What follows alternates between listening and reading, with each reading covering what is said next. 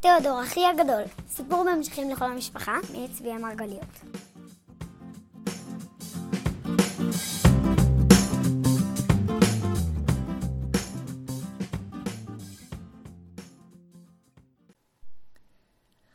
לא נורא שתיאודור התעלף, כי כשהוא התעורר, הוא גילה שהוא נמצא במקום נעים עד מאוד. הוא מצא את עצמו ישן על ספה רכה ונעימה, מתחת לנברשת ענקית. הקירות היו מלאים בתמונות ענק של נופים אנגליים. מולו, על השולחן, הייתה מונחת כוס תה. אני מקווה שאתה אוהב תה דובדבנים, כי זה כל מה שנשאר לנו כרגע. תיאודור הפתע את ראשו, וראה אישה ג'ינג'ית ונעימה עומדת לידו. מאחוריה עמד אדון ג'ינג'י וחייך חיוך נעים. הוא היה לבוש כמו אדון של פעם. שניהם היו נראים בערך בגיל של אבא ואימא. רק באזור העיניים הם היו נראים הרבה יותר מבוגרים, כמו סבא רבא.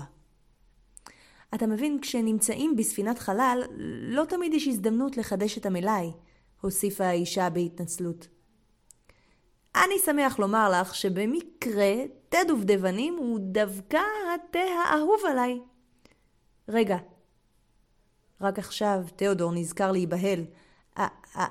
אמרת ספינת חלל? למרות שתיאודור ידע שהוא בחלל, הוא בכל זאת מאוד הופתע לגלות שהוא איננו בירושלים. כן, אתה מבין, ראינו שאתה נופל חזתום חזתום, אז אספנו אותך עם הספינה שלא תיפול חזק מדי, אמר האיש. חזתומה? אה, אמ, חזתום, זה בחייזרית. בעברית אומרים מהר. ראינו שנפלת מהר מהר. האיש חייך. אנחנו מתנצלים, הוסיפה האישה. אחרי מאות שנים בין חייזרים, שוכחים כמה מילים. מאות שנים? תיאודור לא תיאר לעצמו שהם עד כדי כך זקנים. כן, אולי תשתה את התה עם הביסקוויטים ותנוח מעט. יהיה לנו זמן להסביר לך הכל. אנחנו בטוחים שילד פיקח כמוך יבין את הכל חזתום חזתום. האיש והאישה פנו לצאת מן החדר. רגע, קרא תיאודור. לא היה לו שום כוח לנוח. תספרו לי עכשיו! האיש והאישה חייכו זה אל זו, והתיישבו על הכורסאות ממול תיאודור. אחרי רגע של שקט, האישה אמרה, אולי יהיה לך יותר נוח בלי כל אלה.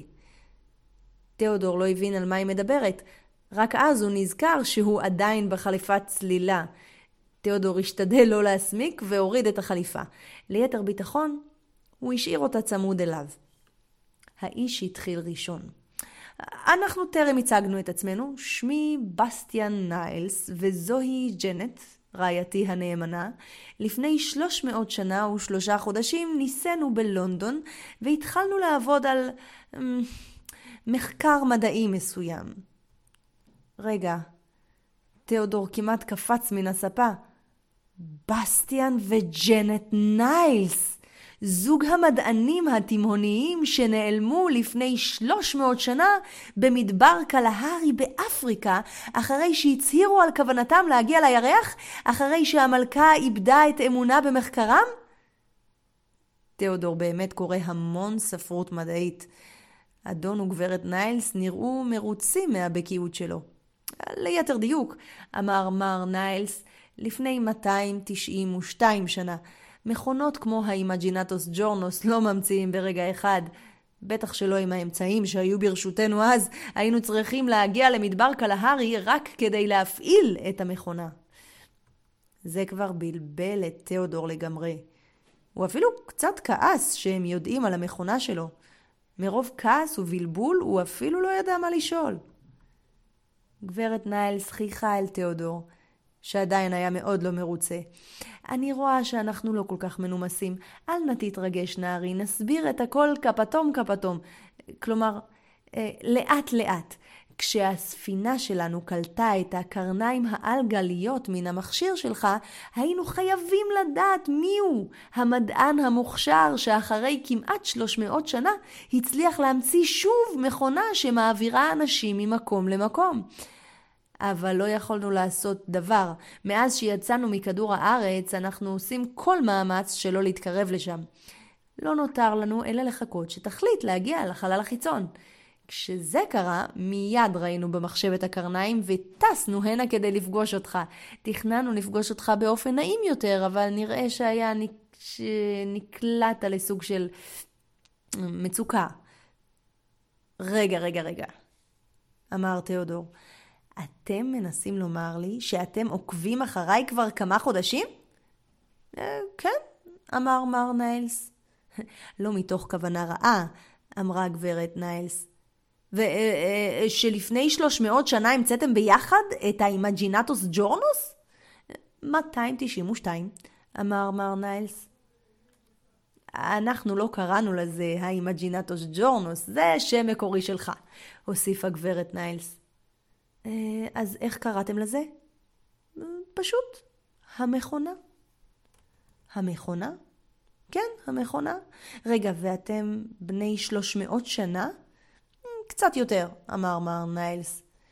כשנוסעים בספינת חלל במהירות שאנחנו נוסעים בה, מזדקנים יותר לאט, הוסיפה גברת ניילס. ומאז שיצאתם לא חזרתם לכדור הארץ? לא, אמר מר ניילס. גברת ניילס רק הרכינה את ראשה.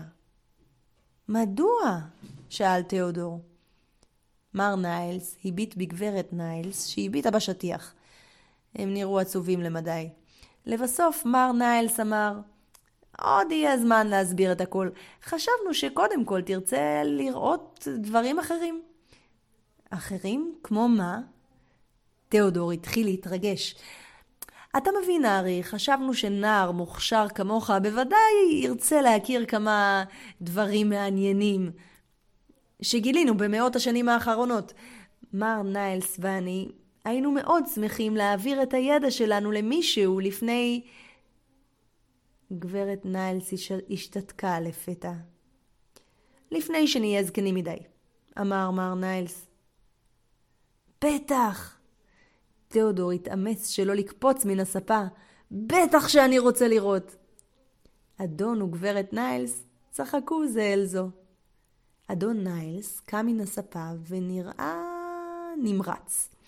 אם כן אמר, הבה נתחיל. כשתיאודור הגיע לנקודה זו בסיפור שלו, הוא השתתק. אני לא ישן, אמרתי לו. אפילו לא הייתי מנומנם. אני יודע, ענה לי תיאודור מלמטה. אז למה אתה לא ממשיך? שאלתי. אני לא יכול. אתה לא יכול מה? אני לא יכול לגלות. מה? הייתי מאוכזב מאוד. זה לא הוגן להפסיק סיפור שכזה ברגע שכזה. אני לא יכול לגלות מה הם הראו לי, זה סוד מדעי. מה כל כך סודי בזה? אמרתי. אתה יודע שאני ממילא לא מגלה לאף אחד שום דבר מכל מה שאתה מספר לי. תיאודור שתק. יכולתי לשמוע מלמעלה איך הוא משתכנע. אפילו הוא מסוגל להבין שזה לא הוגן להפסיק עכשיו. תיאודור היסס והיסס, ולבסוף אמר, אני יכול לומר לך שפגשתי את החייזרים מהכוכב שכמעט התרסקתי עליו. השיער שלהם באמת עשוי מעלים, אבל לא ממש עלי בוגנביליו, רק הצבע דומה. באמת יש להם שפה מוזרה מאוד. ו... וראיתי כוכב שמהאדמה שלו אפשר להכין דגני בוקר טעימים יותר מכל מה שאתה מכיר. אבל בשביל זה צריך מכונה מיוחדת. בסטיאן וג'נט לימדו אותי איך להרכיב מכונה כזו. באמת? כן, באמת. הם גם לימדו אותי איך בונים מנוע של ספינת חלל לפי חוקי הפיזיקה של בבל הקדומה. אה, וגם למדתי להכין משחה לצמיחת שערות. יש כוכב אחד שיש שם יצורים שדומים לסנאים, רק שכל הסנאים שם הם תאומים סיאמיים. בסטיאן וג'נט גילו לי שאם נותנים לתאום הימני לאכול אורז ולשמאלי לשתות תה שחור חזק מכדור הארץ, אפשר לעשות מהפרווה שלהם משחה מצוינת. אם תמרח אותה על כל הגוף, אף אחד לא יאמין לך שאתה בן אדם. חבל שלא הבאתי קצת ממנה הביתה, זה היה יכול לעזור מאוד לאבא. תיאודור השתתק והתחיל לזמזם שיר עליז. נו, עצרתי אותו באמצע הזמזום. מה? מה עוד ראית? יותר מזה אני לא יכול לספר. אבל למה? כי בסטיאן וג'נט לא מרשים לי. נו באמת, חשבתי, לא מרשים? למה? יכולתי לשמוע את תיאודור מחייך מתחת לשמיכות. זה היה חיוך מרגיז. הם מרשים לי להעביר את הסודות שלהם רק לאדם אחד, אדם מיוחד מאוד. עכשיו באמת התחלתי להתעצבן. אני אדם מיוחד מאוד, אתה יכול לגלות רק לי. נכון, ואתה גם אח שלי, אני לא מזלזל בזה, אבל בסטיאן וג'נט רוצים שאני אעביר את המידע לבן אדם מאוד מסוים. אין סיבה להתעצבן. אם אתה מבטיח באמת לא לגלות בשום פנים ואופן, אני מוכן לספר לך אפילו מי זה. נו, באמת. מובן שאני מבטיח.